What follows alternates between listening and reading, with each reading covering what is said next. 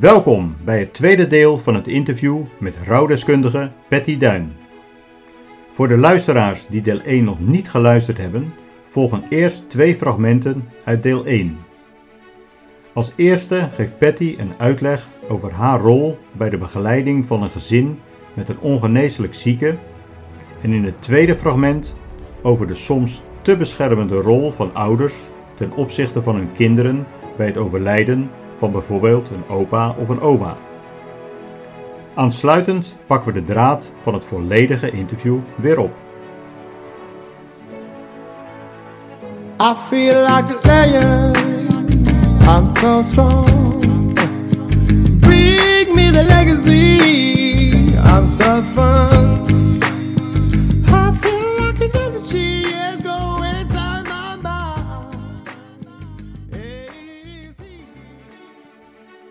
Ja, en met nadruk dat een afscheid dus ook al bij leven kan eh, vaak plaatsvindt. En dat, dat is een onderschat kindje, vind ik.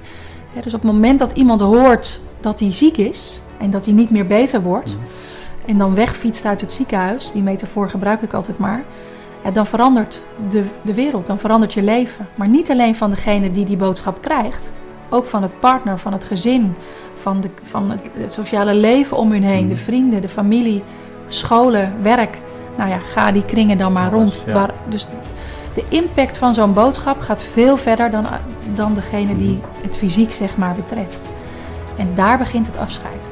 En dat begeleiden, hoe gaan we daarmee om? Ja, dat is wat ik doe. Nou, je slaat de spijker op zijn Mhm. kop, want dat is vooral liefde. Mhm. Ouders die willen hun kinderen beschermen. Hoe vaak ik niet merk dat ouders zeggen, nou, de oma is overleden bijvoorbeeld. Nou, eh, mijn zoontje Klaasje, ik noem maar even wat. Nee, die hoeft oma niet te zien hoor. En ik bepaal niet of ze het wel of niet moeten zien, hè, Mhm. want ik ben niet de ouder. Ik kan Mhm. alleen adviseren ehm, dat het misschien wel haar angst is, omdat zij ooit is weggehouden Mhm. bij eh, haar opa en oma, of dat eng vond of niet goed begeleid is. Maar dat je eigenlijk als ouder de mooiste oudertaak kan geven, hè, opvoedtaak aan je kind, door je kind gewoon te begeleiden in dit is wat je gaat zien, dit heeft oma Mhm. aan, eh, dit zijn de kleurbloemen die je gaat zien. En laat een kind maar op zijn eigen tempo bepalen of hij dat wel of niet wil. Ja.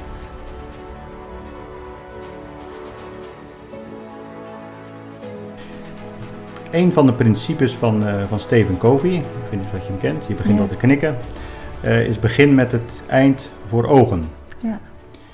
Een hele mooie, eh, mooi principe natuurlijk. Eh, hij vertelt ook in zijn boek hè, het, eh, het verhaal van stel je voor dat je op, je, eh, op een begrafenis bent en eh, je kijkt in de kist en dan zie je jezelf liggen en dan daarna beginnen de toespraken Ja. eh, van je familie, van de mensen van je werk. eh.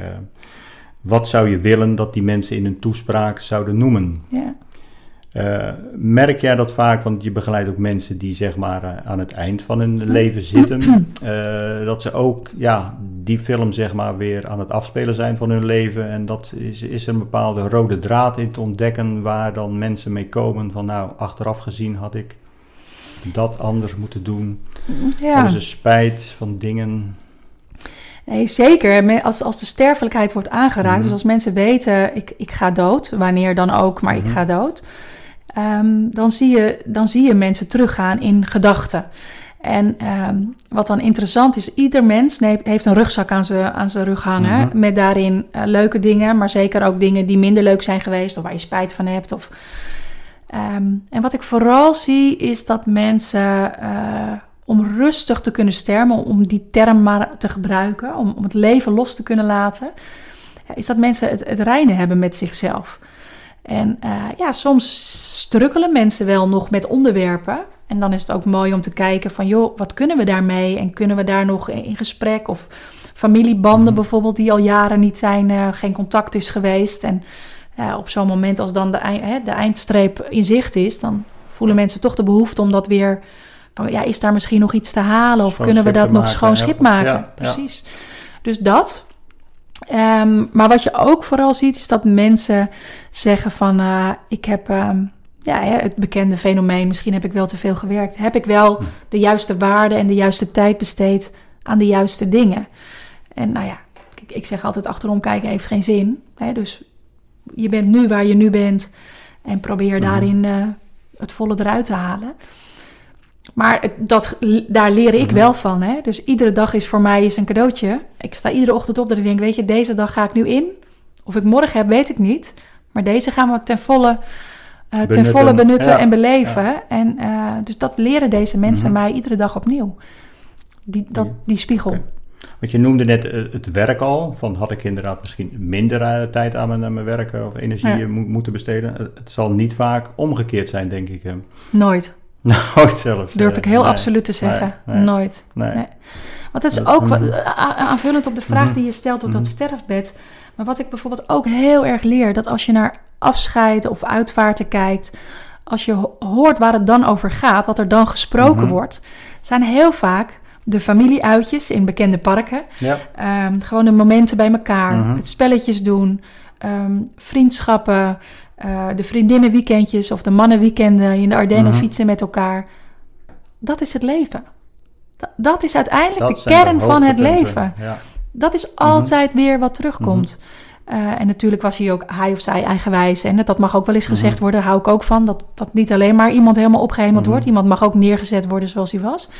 Maar als je kijkt naar de essentie, wat mensen terughalen in hun speeches, zijn het altijd de momenten gewoon van bij elkaar zijn eh, die van belang zijn. De weekendjes met vrienden, dus vriendschappen. De sportclubjes die van belang zijn. Vriendschappen die in een studietijd zijn begonnen en 40 jaar hebben geduurd. Hoeven ze elkaar niet ieder jaar te zien, maar de band is De er wel. is er, Ja. En dan, als je daar een dwarsdoorsnee van, van Mhm. probeert te pakken, dan denk ik, oh ja, dat is dus de essentie. Waar het blijkbaar over gaat. Hè? Tijd met je kinderen. Mhm. Niet om, om iedere dag om zes uur aan tafel te zitten, maar de tijd die je hebt, besteed je die goed. Eh, hè, dat is bijvoorbeeld wat ik heb leren zien, om, om toch nog even van, van oh ja, eh, vakantie of gewoon tijd met je kinderen. Eh, bijvoorbeeld een dag gewoon eens met je, in mijn geval met mijn twee zoons, ben ik vorig jaar naar Cuba, of twee jaar terug inmiddels alweer naar Cuba geweest. Gewoon echt belevenissen maken met elkaar. Hoeft niet ieder jaar, kan ook niet. Maar dat is wel wat ik terughoor in de verhalen waar het over gaat. Tijd met de juiste mensen. Nou, ik denk dat dat een, een hele, hele belangrijke is natuurlijk. En dat we dat nu ook al kunnen benoemen, zeg maar. Dat is inderdaad, jij noemt het zelf al, eh, als je iedere dag opstaat, dat je dat al in je achterhoofd eh, houdt. Ja. Is dat een hele goede om, om de dag mee te beginnen natuurlijk. Ja. Het kan zo voorbij zijn. En waar eh, geef je, je je aandacht en eh, spandeer je energie aan? Klinkt zo simpel, hè? En waarom doen we het niet dan, hè? Met z'n allen. eh, ja. Dat is ook fascinerend. eh, ja. En dat heeft, ja. Mhm. Maar goed, voor als zolang we maar blijven, blijven, iedere dag weer ons proberen daar bewust van te zijn, dan maak je iedere dag een klein stapje, denk ik. Helemaal mee eens. Als ik je, je beluister en ook eh, je boek natuurlijk eh, gelezen eh, heb, dan, dan je bent een coach, je bent een, een vertrouwenspersoon, Mhm. maar ook voornamelijk een luisteraar. Mhm. Heb je dat jezelf aan moeten leren? Omdat we zijn een beetje geneigd om onze, onze kennis die we hebben of onze mening vaak eh, vrij snel te willen uiten. Mhm. Terwijl eigenlijk luisteren, en dat haal ik ook uit je, uit je boek, is eigenlijk veel belangrijker. Eh, heb je dat moeten leren of, of is dat een beetje, zit dat al in je gebakken in je... Nou, ik denk dat luisteren, iemand zien, Mhm. hè, dat, dat, dat zit wel in mij. Eh, om dat helemaal zonder oordeel te doen, dat heb ik ook natuurlijk moeten leren. Want zeker de mensen die mij kennen en die dit zullen luisteren, Mhm. die zullen heus wel denken van nou, af en toe kan je best stevig uit de hoek komen en heb je best wel Mhm. je mening klaar. Dus dat zit ook in mij. Eh, alhoewel dat oordeel dan wel vanuit mijn passie komt en ik ook echt vind Mhm. dat ik daar dan gelijk in Mhm. heb, natuurlijk. Nee, maar ik, het luisteren en iemand zien, dat zit wel in mij. En natuurlijk ontwikkel je dat nog meer naarmate je eh, ja, daar gewoon dagelijks mee bezig Mhm. bent. Maar dat is ook wel deel van, van wie ik ben. Maar ik ben er ook van overtuigd dat je het kan leren. Dat je kan leren luisteren. Dat is ook echt oefenen, oefenen, oefenen. En ook het, het, het doorvragen of is het vaak eh, gewoon de mensen maar laten vertellen en maar kijken waar, het, eh, waar ze op uitkomen? Nou, ik denk dat mijn taak is vooral om te luisteren en om mensen ehm, door de vraagstelling, hè, dat jij noemt dat doorvragen, misschien wel uit te nodigen om nog een laagje verder Mhm. te gaan. En, en doordat ze dat doen, geven ze zelf eigenlijk alle antwoorden al die ze misschien Mhm. zelf van vragen die ze hebben. Dus ik zal daarin nooit de antwoorden geven, alleen door te vragen en door door te vragen. Eh, en door soms een spiegel te geven. Eh, ja, want de wijsheid zit in ieder... Uiteindelijk moet je zelf keuzes maken. Ja, klopt. En die- ik, ik ga die niet voor Mhm. je geven. Je zal natuurlijk eerst ook altijd natuurlijk een, een vertrouwensband mo- moeten opbouwen voordat mensen zeg maar hun verschillende laagjes van de ui, noem ik het dan maar even, Ja. zullen gaan afpellen. eh. Ja, wat ik Mm. vaak terugkrijg, het- meestal als ik ergens binnenkom, Mhm. dan is dat eigenlijk, ehm, gebeurt dat gelijk Mhm. op de een of andere manier. Mhm. En waarom dat is, dat weet ik niet. Dat is denk ik ook, nou ja, misschien wie ik ben of wat, wat ik kan, of in ieder geval een... Een stukje eh, uitstraling wellicht ook. Hè? nou ja, Mhm. dat, dat durf ik Mhm. niet te zeggen. Dat weet ik niet zo goed. Maar ik krijg heel vaak terug van mensen van... jeetje, je kwam binnen en je hoorde er meteen bij. Dus ik, ik ben blijkbaar in Mhm. staat om eh, gelijk te levelen op... hé, hey, waar zit ik? En om, om op de Mhm. energie te zitten waar de mensen zitten. Waardoor je heel snel ja, op, op hartniveau zit, zeg ik Mhm. altijd. eh, om mensen ja, in, in gesprek te gaan. Herken je ook vrij snel als, als er zeg maar bepaalde spanningen in, in de familie zijn als je er binnenkomt? Ja, ik voel ze Mhm. direct. Het klinkt misschien een beetje raar, maar Mhm. ik, als ik binnenkom, dan zie ik zeg maar eh, letterlijk in mijn hoofd Mhm. zie ik een soort van lijntjes die lopen. En, eh, en voel ik ook van, en dan scan ik zo die hele omgeving en denk: oké, wacht even, wat gebeurt daar? Non-verbaal doen mensen al heel veel. Eh, wie neemt het woord? Waar zitten mensen? Dat is iets wat je kan trainen ook Mhm. natuurlijk, hè? maar dat gaat bij mij nu inmiddels zo automatisch. Ehm, ja, dat ik vrij snel voel waar, eh, hoe de verhoudingen liggen. En nou ja, wie moet je er dan iets meer bij betrekken? Of, nou, zodat iedereen, Mhm. iedereen zich gehoord en gezien voelt. Dat is natuurlijk, althans dat Ja. vind ik heel erg belangrijk. En dat gaat inderdaad weer verder natuurlijk als de traditionele begrafenis eh, uitvaart. Omdat die inderdaad, ja, je noemt het al eventjes, eh, de, hè, gelijk met, met, eh, na tien minuten met eh, de boeken met, de met de rouwkist aankomt en welk boeket en welke kaarten. Ja, ik denk Het gaat- het, ja. Mhm. Ik denk het. Mhm. Kijk, wat, wat ik bijvoorbeeld ook vind is... ehm, als ik ergens binnenkom... dan moet je ook voelen van waar zijn de mensen om besluiten te nemen. Kunnen ze al besluiten Mhm. nemen? Willen ze al besluiten nemen? Eh, of moet dat misschien op een later moment op de dag? Of misschien zelfs morgen? Of, eh, hè, dus het golven op waar zitten Mhm. mensen in hun, in hun gevoel... om inderdaad stappen te nemen... Ja, dat, dat is wat wij proberen te doen. En, en, en dat zie ik gelukkig in de uitvaartbranche steeds meer gebeuren. Hè. Dat zijn al die, eh, die, die e- eenmansbedrijfjes die Mhm. opkomen, die zeggen we, we doen maatwerk, we doen persoonlijk, die hebben ook alle tijd. Dus dat zie ik gelukkig steeds meer Mhm. gebeuren. Ehm, maar wat ik net ook al probeerde aan te Mhm. geven, een stapje verder is, los van het regelen van zo'n mooie dag, wat gebeurt er in die dagen? En eh, wat gebeurt er als iemand wegfietst bij het ziekenhuis? Dat daar, en wat gebeurt er nog belangrijker als we de afscheidsdag hebben gehad? Hoe gaan we dan weer verder met het leven? Vaak is het dan één belletje van, Mhm. joh, hoe was de afscheid? Nou, dan zegt iedereen, het was fantastisch. Want die klanttevredenheidsonderzoeken in de uitvaartbranche, daar, ik moet altijd een beetje lachen als dat weer gepubliceerd wordt. Want natuurlijk krijg je een goed cijfer. Alleen wij als professionals moeten ook beseffen, het is allemaal psychologie. Als ik een 9 krijg, dan zeggen die mensen eigenlijk ook tegen zichzelf: wij hebben het goed gedaan. Wij Ja. hebben. Mhm. Dus het gaat niet over mij. Mhm. Maar goed, dat is natuurlijk weer, eh, daar, dat moet je kunnen zien en Ja. begrijpen. Dus dat zegt niks. Maar ook met name dat nastuk. Mhm. Hè. Zo- Daarom heb ik een, een initiatief in het leven genoemd, eh, geroepen. Dat heet Levenslust. Het hele jaar door. En daarbinnen hebben wij allerlei evenementen om mensen te laten samenkomen. Eh, maar ook een avond, één keer in de maand, waar mensen gewoon, dat noem ik rouw APK, waar mensen gewoon op kunnen binnenwandelen. Of het nou drie dagen geleden is, of een jaar of dertig jaar geleden. Rouw draag je met je mee en komt op hele gekke momenten opeens boven. Zo hadden we afgelopen januari een mevrouw die had 30 jaar geleden haar ouders verloren en afgelopen kerst overviel het haar opeens. Ze voelde zich enorm alleen. Weet je, dan word je door verrast. Zij werd oma en er gebeurde in haar leven van alles. Nou, fantastisch dat zo'n mevrouw zich welkom voelt en eventjes op zo'n avond met elkaar kan. eh, En Nou ja. iedereen heeft inderdaad rouw natuurlijk, dus je, en je kan er dan ook makkelijker over praten, denk ik. eh. ja. En dat het ja. gewoon even Mhm. aangeraakt mag worden en daar even Mhm. mag zijn. Hè? Dan Mhm. gaan we weer over natuurlijk omgaan Mhm. met. Eh, er staat geen tijdslimiet op. Het verrast je zomaar. En ik ben heel blij dat ik zeg maar van A, van het wegfietsen bij dat ziekenhuis, Mhm. tot en met eigenlijk levenslang, op het moment dat mensen daar behoefte aan hebben, dat we een podium hebben waar mensen naartoe kunnen. En wordt daar Eh, veel gebruik van, van gemaakt? Ja, Wordt heel veel gebruik van Mhm. gemaakt. En, maar we houden het wel klein. Hè? Dus per, per avond, per zo'n maandagavond doen we een maximale groep van 25, soms 30. Eh, om het ook gewoon veilig Mhm. te laten zijn. En veilig, eh, ja, dat mensen daar echt hun thuis. En ik zie iedere keer ook veel mensen terugkomen. Dus blijkbaar brengt het iets. En eh, nou ja, dat gaan we dan uitbreiden met, met, met leuke hè, koken met levenslust Mhm. of wandelen met levenslust. Nou, allerlei initiatieven Mhm. om mensen ook gewoon in beweging te houden. weer te, te Ja, eh. dat ze Ja. ook die levenslust mogen voelen. Maar dat is dus ook een stuk begeleiding wat, wat wij doen. Of iemand eh, onlangs belde dat een echtgenoot... waarvan wie wij drie jaar terug zijn vrouwen hebben mogen begeleiden. En hij zegt, Patty, ik ben verliefd. Ik ben helemaal in de war. Dus ik zeg, joh, wat heerlijk. Ja, hij zegt, maar ik voel me zo schuldig. Wat doe ik hiermee? Nou ja, dat soort gesprekken. Ja. Even wandelen op het Mhm. strand. En eh daar hoef je echt niet voor mee naar de Mhm. huisarts. En je bent echt niet gek. Je voelt alleen weer levenslust. Wat heerlijk. Maar ik snap ook dat dat verwarrend is. ja. Nou ja, daar weer even Mhm. over kunnen sparren. Half uurtje op het strand. En zo iemand denkt, oh ja, zo zat het ook weer.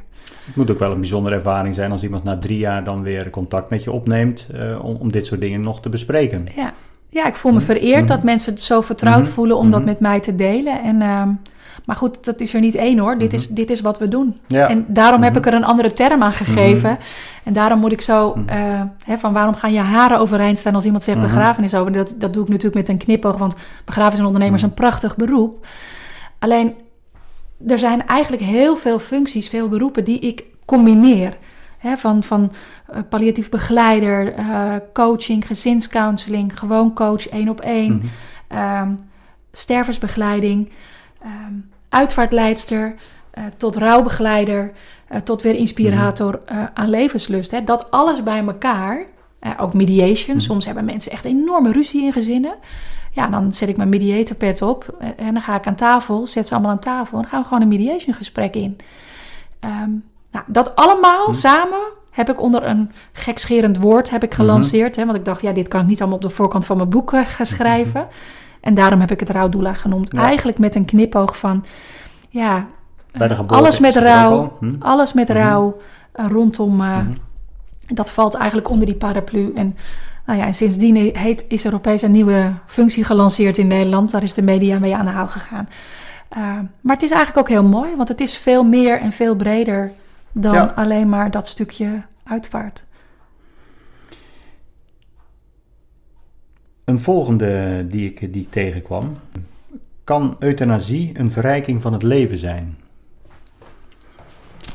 Ook weer zo'n mooie vraag, waar ik heel voorzichtig in moet antwoorden altijd. Ik kan alleen maar vanuit mezelf antwoorden, dus iedereen mag daar zijn eigen mening Mhm. over hebben. Hè. Ehm, ik vind het een enorme verrijking van het leven. Het feit dat het er is, het feit dat mensen de mogelijkheid hebben om zelf te bepalen wat kwaliteit van leven is, voor het individu, om het nou zo te zeggen. Eh, dat gevoel alleen al geeft mensen heel veel kwaliteit van leven. Of mensen daar dan uiteindelijk gebruik van maken, is een tweede. Maar het gevoel hebben, het is mijn leven en dit is waar ik voor sta en dit is kwaliteit voor mij, ja, daar ben ik heel erg voorstander van. Concreet voorbeeld, ik denk het meest sprekende, zeker als luisteraar, denk ik. Ehm, een paar weken terug werd ik gebeld eh, dat een gezin, wiens, eh, nou ja, het gezin had ik vier jaar terug ook al begeleid, toen overleed vader. En eh, moeder was nu drie, vier jaar verder. En eh, ze, had, ze was gewoon klaar. Fysiek, maar ook geestelijk. En het, het- ze zegt, het leven is gewoon klaar. Dus het gezin belt mij of ik hun weer wil begeleiden in dat traject. Mhm. En eh, nou, natuurlijk wil ik dat met alle liefde. Oh, En waar ik ik zeg, zeg ik natuurlijk mijn team. Hè? Het is niet altijd alleen maar ik. En toen belde die mevrouw op, want ze wilde nog heel graag eh, mij zien. eh, koffie met mij drinken en gedag zeggen. Nou ja, nou kom ik wel vaker in dat situaties. Mhm. Maar ik vind het toch altijd heel bijzonder dat mensen de moeite nemen hè, in die laatste dagen om tijd te maken voor mij. Want dat is blijkbaar wat voor hun toevoegt. Nou, ik mijn agenda omgooien, ik daar naartoe. En dan, ja, antwoord op de vraag: is euthanasie verrijkend omdat het er is? Dan zie ik daar een vrouw zitten die zo klaar is met het leven. Niet met haar kinderen en niet met haar kleinkinderen, maar gewoon met haar lijf. eh, met het missen van haar man. Eh, ze zegt: ik, Mijn leven is, ik zit hier op de stoel, ik kijk naar buiten naar de vogeltjes. Ik kan niet meer lopen, ik kan niet meer naar buiten. Natuurlijk is er zorg, maar dit is niet wat ik wil. Ik ben een zelfstandige vrouw, altijd geweest. Ik heb altijd de regie gehad. Ik heb gestudeerd. En nu is mijn leven kijken naar de vogeltjes. Is voor mij geen kwaliteit meer. Ja, dan denk ik, wauw. Ik drink mijn koffie en ik kan alleen maar een diepe Mhm. buiging maken voor iemand. Dat ik denk, jeetje, bijzonder dat ik hier mag zijn. Bijzonder dat je zo stellig kan zeggen, het is voor mij goed. Ik denk dat ik dat op dat moment ook doe, maar wie zal het ooit zeggen? Mhm. Ik weet het niet. Ik heb nog nooit in die situatie gestaan. Maar diep respect als je zo voor je eigen behoeften, verlangens en voor je eigen zijn durft te staan. Ja, dus volmondig ja, ik vind het een verrijking dat het er is. En ik denk ook voor de familie om dan afscheid te moeten nemen, kan je dat ook relatief makkelijker. Ja, ook dat is heel subjectief Ja, natuurlijk, hè? Het is wel een, een bewuste keuze Ja. die dan gemaakt is. ehm, dus wellicht ja, dat dat daarin ook weer, weer helpt voor, voor Ja. de familie. Nou, een gro- een groot deel van, van de familie eromheen Mhm. zal zeker zeggen: eh, eh, Goed, ik sta achter jouw keuze. Maar mijn kind zijn heeft verdriet. Hè, dus dat, dat Ja. zijn ook twee verschillende dingen. Het volwassene eh, die zegt ja. van: Ik snap het. Maar op het moment dat het zo is, ja, zegt het kind in iemand, ook al ben je Mhm. 60, 65, jeetje, ik verlies wel mijn moeder. Dus dat is altijd een Mhm. duaal ding. En als je het op die manier uitlegt, snappen mensen ook veel beter waarom ze er soms een beetje Mhm. mee stoeien. Oh ja, dat is mijn kind Mhm. zijn die er verdriet van heeft. Maar mijn vrouw zijn of mijn man zijn, mijn volwassenheid, die snapt natuurlijk wat je doet, mam. Ga alsjeblieft, ga. Dus, maar of het makkelijker is, weet ik niet hoor. Want het is ook heel moeilijk, zie ik vaak van mensen er om, om het bed heen, om het maar zo te zeggen. Om eh, iemand waarmee je die zo bewust afscheid van het leven neemt, waarmee je gewoon nog kan praten totdat de huisarts komt. Mam, pap, weet je het Mhm. zeker? Ja, kinderen, ik weet het heel zeker. Oké, nou ga dan. Ja, en die dan 2,5 minuut daarna eh, eh, is overleden. Dat, dat verschil is voor ons mens zijn die achterblijft wel een, ehm, nou ja, wel een, een dingetje om mee, om mee te dealen, zeg maar. Ja, kan ik, kan ik begrijpen. Aan de andere kant kan je natuurlijk ook de situatie hebben dat iemand door een, een ongeluk plotseling inderdaad eh, overlijdt. Eh, dan is het voor de nabestaanden eh, Ja. ook heel, heel Ja. moeilijk. Zie je daar nog een, een, een, een ander soort traject in de, in de rouwverwerking? Ja, die vraag krijg ik ook vaak. Kijk, dat, dat is zeker anders. Of het, in ieder geval, het, het proces is anders. Hè? Mhm. Of het verdriet anders is, dat durf ik niet te zeggen. Kijk, ik ben mijn vader plotseling verloren. Die ging tennissen, kwam nooit meer terug. Dus, nou, dat mag je redelijk plotseling Mhm. noemen, denk ik zo. Ehm, kijk, het grote verschil is dat ik natuurlijk nooit heb kunnen uitspreken... of nooit heb kunnen, nou ja, dingen kunnen afronden, bijvoorbeeld. Dus dat maakt een Mhm. groot verschil als iemand plotseling komt te overlijden versus iemand die dat traject zeg maar voorbereidt, waarin je de kans krijgt om nog dingen met elkaar te delen. Bespreken, dus ja. dat is een groot verschil. Ehm, of wanneer iemand al een lang periode van ziek zijn heeft, ehm, dan is dat afscheid. Hè, dat, wat ik al net zei, Mhm. dat begint eigenlijk als je wegfietst bij dat ziekenhuis. Dat is al veel eerder begonnen. Dus dan is vaak het moment van overlijden, is er al heel veel pijn en verdriet is er al geweest. Ehm, dus die processen zijn wel anders. Het verdriet is er niet minder om. Maar men kan wel natuurlijk wat strukkelen nog met wat open stukken van... joh, had ik maar. En dan kom je weer op wat is de essentie van het leven... en hoe, hoe ver- besteed je de tijd aan de juiste mensen? Of spreek je uit dat je van mensen houdt? Of eh, ja, dan, daar zit je dan weer in van... eh, doe je dat op de juiste manier gewoon bij leven? Ondanks, hè, zonder te weten wanneer iemand wel of niet komt te overlijden. Dan lijkt mij kinderuitvaarten een hele moeilijk om, eh, om te doen. Zeker als je zelf kinderen hebt. Ik denk dat je dat dan ook projecteert op, op je eigen kinderen. En hoe dat het zou voelen als je daarvan een, een uitvaart zou, eh, zou Ja. moeten, moeten regelen. Ja, ook een vraag die ik natuurlijk vaker krijg. Ehm, en, en het klinkt misschien heel vreemd. Want wat jij zegt, hè, dit gaat natuurlijk ook heel erg over Mhm. jouw gevoel, zeg maar, daarbij. Eh, dat gevoel, toen ik mijn allereerste melding kreeg van een babytje, toen dacht ik, toen voelde ik een enorme verantwoordelijkheid. Toen dacht ik, oh, kan ik dit? Moet ik dit doen?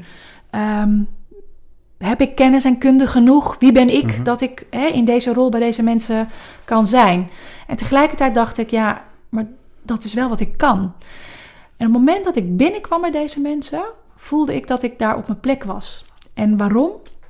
Als je het hebt over voelen als over kwetsbaarheid, over een, eh, het leren omgaan met het omarmen. Eh, dan is dat bij een, een, een, afscheid van een kindje, een babytje of een kindje, maakt in dit geval even niet uit, hè, gewoon als, als ouder. Ehm, ja, daarin kan je zoveel betekenen om mensen te leren de dood te omarmen, maar ook gewoon nog van dat kindje zo intens te houden. Dus het vasthouden, het, het veilig laten voelen met het overleden kindje, want het blijft een kindje. Dus daar kan je zoveel in betekenen dat eigenlijk, ik durf te zeggen, ik, vroeger dacht ik altijd, wie doet in godsnaam kinderuitvaarten? Wie wil dat? Dat wil toch niemand? En nu durf ik volmondig te zeggen, jeetje, wat kan je daarop toevoegen? Ehm, en niet voor mezelf, maar om mensen veilig te laten voelen in dat proces. En, en dus word ik er heel blij van. ik heb ze liever niet. Ik Mhm. bedoel, het liefst wil ik dat alle Mhm. kindjes en alle baby's en iedereen blijft leven. Maar als het daar is, weet ik dat ze bij ons, bij onze manier van werken, eh, in goede handen zijn. En dat goede begeleiding, en zo zullen er in Nederland ongetwijfeld nog heel veel mensen zijn die dit voelen. ehm, begeleiding maakt zo'n verschil. Echt, eh, dus ja, moeilijk. Het raakt me, Mhm. natuurlijk raakt het me. Ik had pas, eh, of een keer, een, een, een, een, een suïcide van een, een, jonge, een, jonge, een, een jonge man. Mhm. En ehm, ja, dan in de leeftijd van mijn kinderen, zeg maar. Ja, en als ik die aan het verzorgen ben, dan, dan natuurlijk komt dat binnen. Als je het hebt over projectie, dan heb ik gewoon mijn eigen kind in mijn handen. En dan denk ik, hoe kan dit? En tegelijkertijd weet ik dan ook meteen dat ik op de juiste plek ben, omdat je daar rust kan brengen.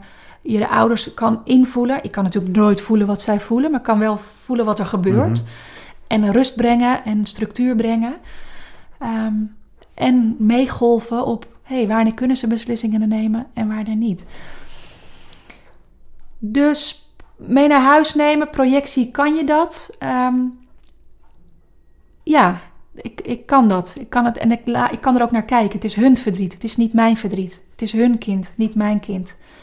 Ehm, dus kan ik in mijn rol wat ik daar te doen heb en waarvoor ik blijkbaar de talenten heb gekregen Mhm. om te doen, dat kan ik daar dan brengen. Maar als alles achter de rug is, even en achter de rug bedoel ik even tot en met de afscheidsdag, hè, Mhm. even logistiek ook, dan rijd ik wel even naar het strand en dan duik ik even de zee in en dan moet ik het wel echt even van me afschudden. Want het gaat natuurlijk, tuurlijk gaat er altijd iets in je Er zitten. spelen toch emoties mee. inderdaad. Tuurlijk.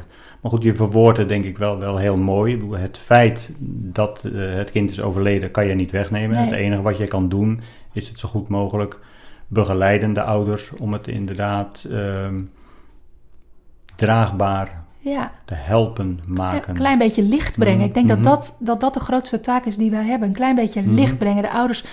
Wat, wat ik veel zie van collega's, is dat ze dan wel eens meegaan in die zwaarte. Het is Mhm. ook echt hogeschool hoor. Het is echt hogeschool. Als je binnenkomt, je voelt letterlijk, boem, zou niet één steen, maar tien worden er op je maag gelegd.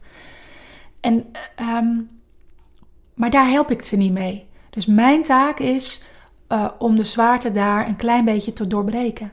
Zodanig dat er ook weer echt waar gelachen kan worden en ontladen Mhm. kan worden. Zo belangrijk dat er ruimte komt om ook even weer te zijn. Ja, dat is denk ik wat, wat je het maximale wat je daar kan doen. Klein beetje licht, klein Mhm. beetje kleur brengen. Maar dat kost Mhm. tijd en dat kost schaken. Het is net een schaakspel soms van... hey, kan ik een stapje naar rechts of moet ik een stapje naar links of moet ik naar voren? Het is zo Iedere situatie is weer anders. totaal. Dus Ja. iedere keer is het weer voelen, kijken, wat is nodig? Wat hebben deze mensen nu nodig als eerste? Niet volgens het draaiboek, Mhm. maar wat hebben ze nodig? Is dat rust? Is dat eh, hun kind weer thuis brengen? Is dat aanraken? Is dat juist even iedereen het huis uit? Want als er iets, iemand overlijdt, dan is dat het hele huis, de hele straat zit altijd in huis.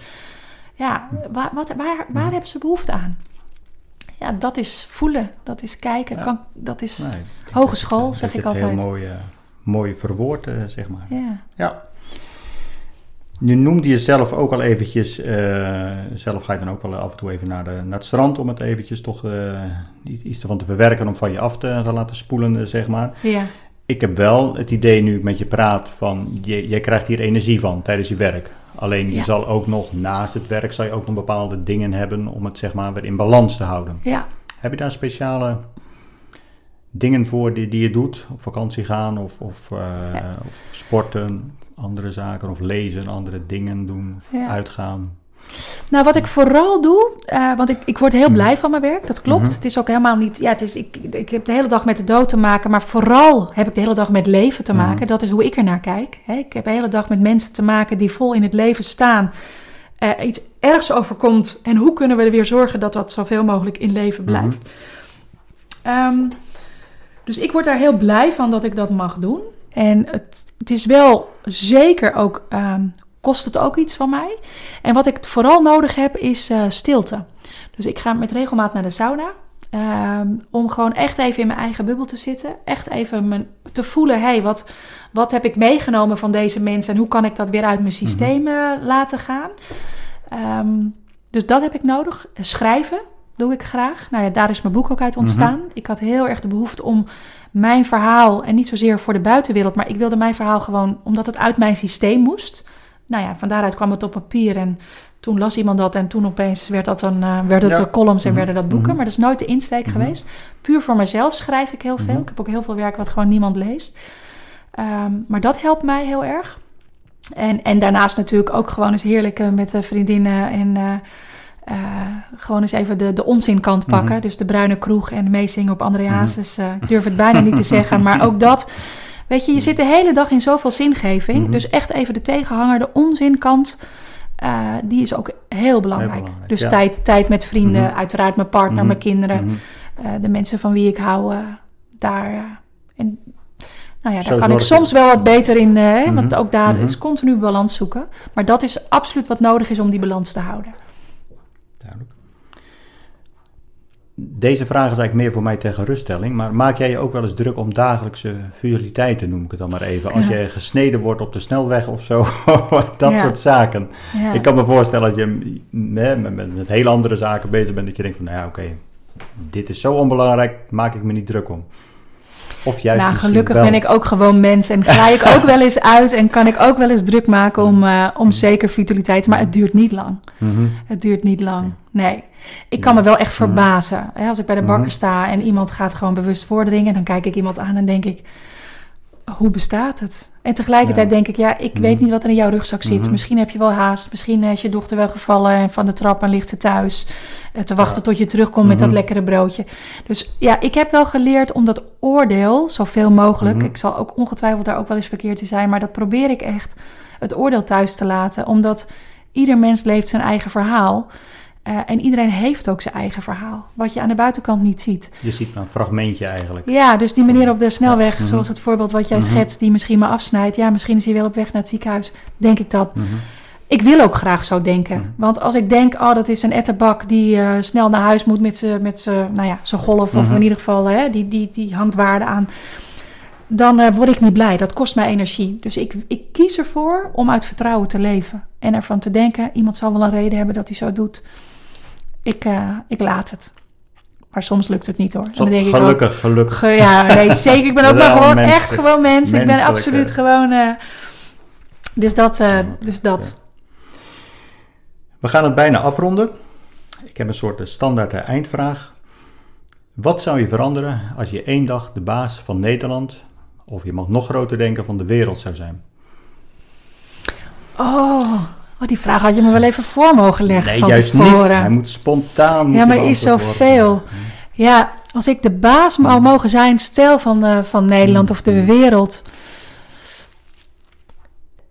Ik weet niet zo goed wat ik dan direct zeg maar eh, feitelijk zou veranderen, maar ik zou vooral de boodschap willen geven aan mensen eh, om vanuit vertrouwen te leven. Dat, dat, ja. Ik denk namelijk wel, als je dat doet, dan gaat er al zoveel vanzelf op een andere manier gaan mensen in de wereld staan. Ehm, dus dat. Dat mensen gewoon vanuit, echt vanuit, vol overtuiging, vanuit vertrouwen durven leven. Maar goed, dat zou ik graag willen. Lijkt me een hele, hele mooie. Ik weet niet of ik dat in een dag bereik, maar dat zou wel mooi. Als ik een toverstokje had, ja, dat zou ik heel graag willen. Vanuit vertrouwen leven, dat Mhm. scheelt zoveel gedoe Mhm. En aannames. Duidelijk. Mochten mensen naar aanleiding van de, deze podcast met jou in contact willen komen, op welke manieren kan dat? Ja, ze kunnen mij natuurlijk volgen op Facebook. Ehm, zij kunnen eh, via e-mail, en als ze vragen hebben, het liefst even per e-mail naar info.rouwdoula.nl. Ehm, ze kunnen uiteraard mijn boek bestellen. Daar zitten ook, staan ook alle gegevens en alle websites die ik heb van alle initiatieven staan daarin benoemd.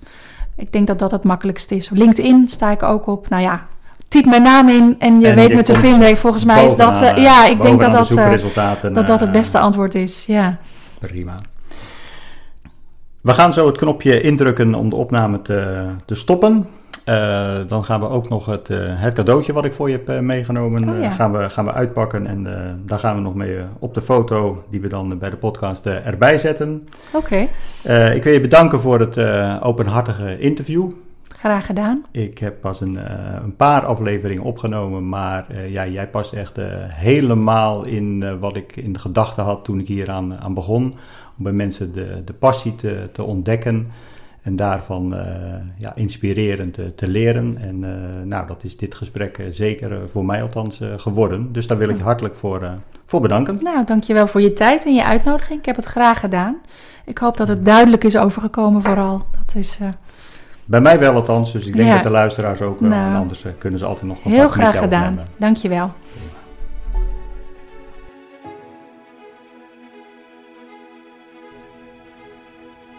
Dit was deel 2 van het interview met Patty Duin.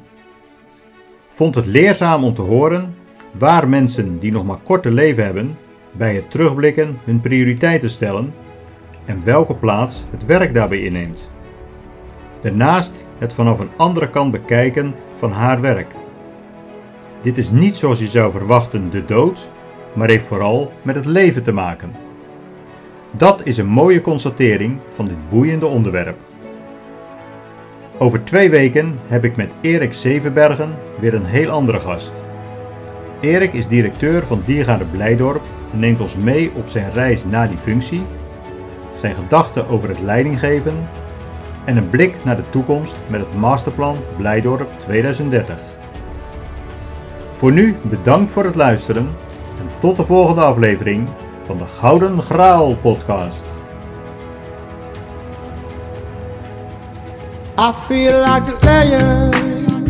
I'm so strong.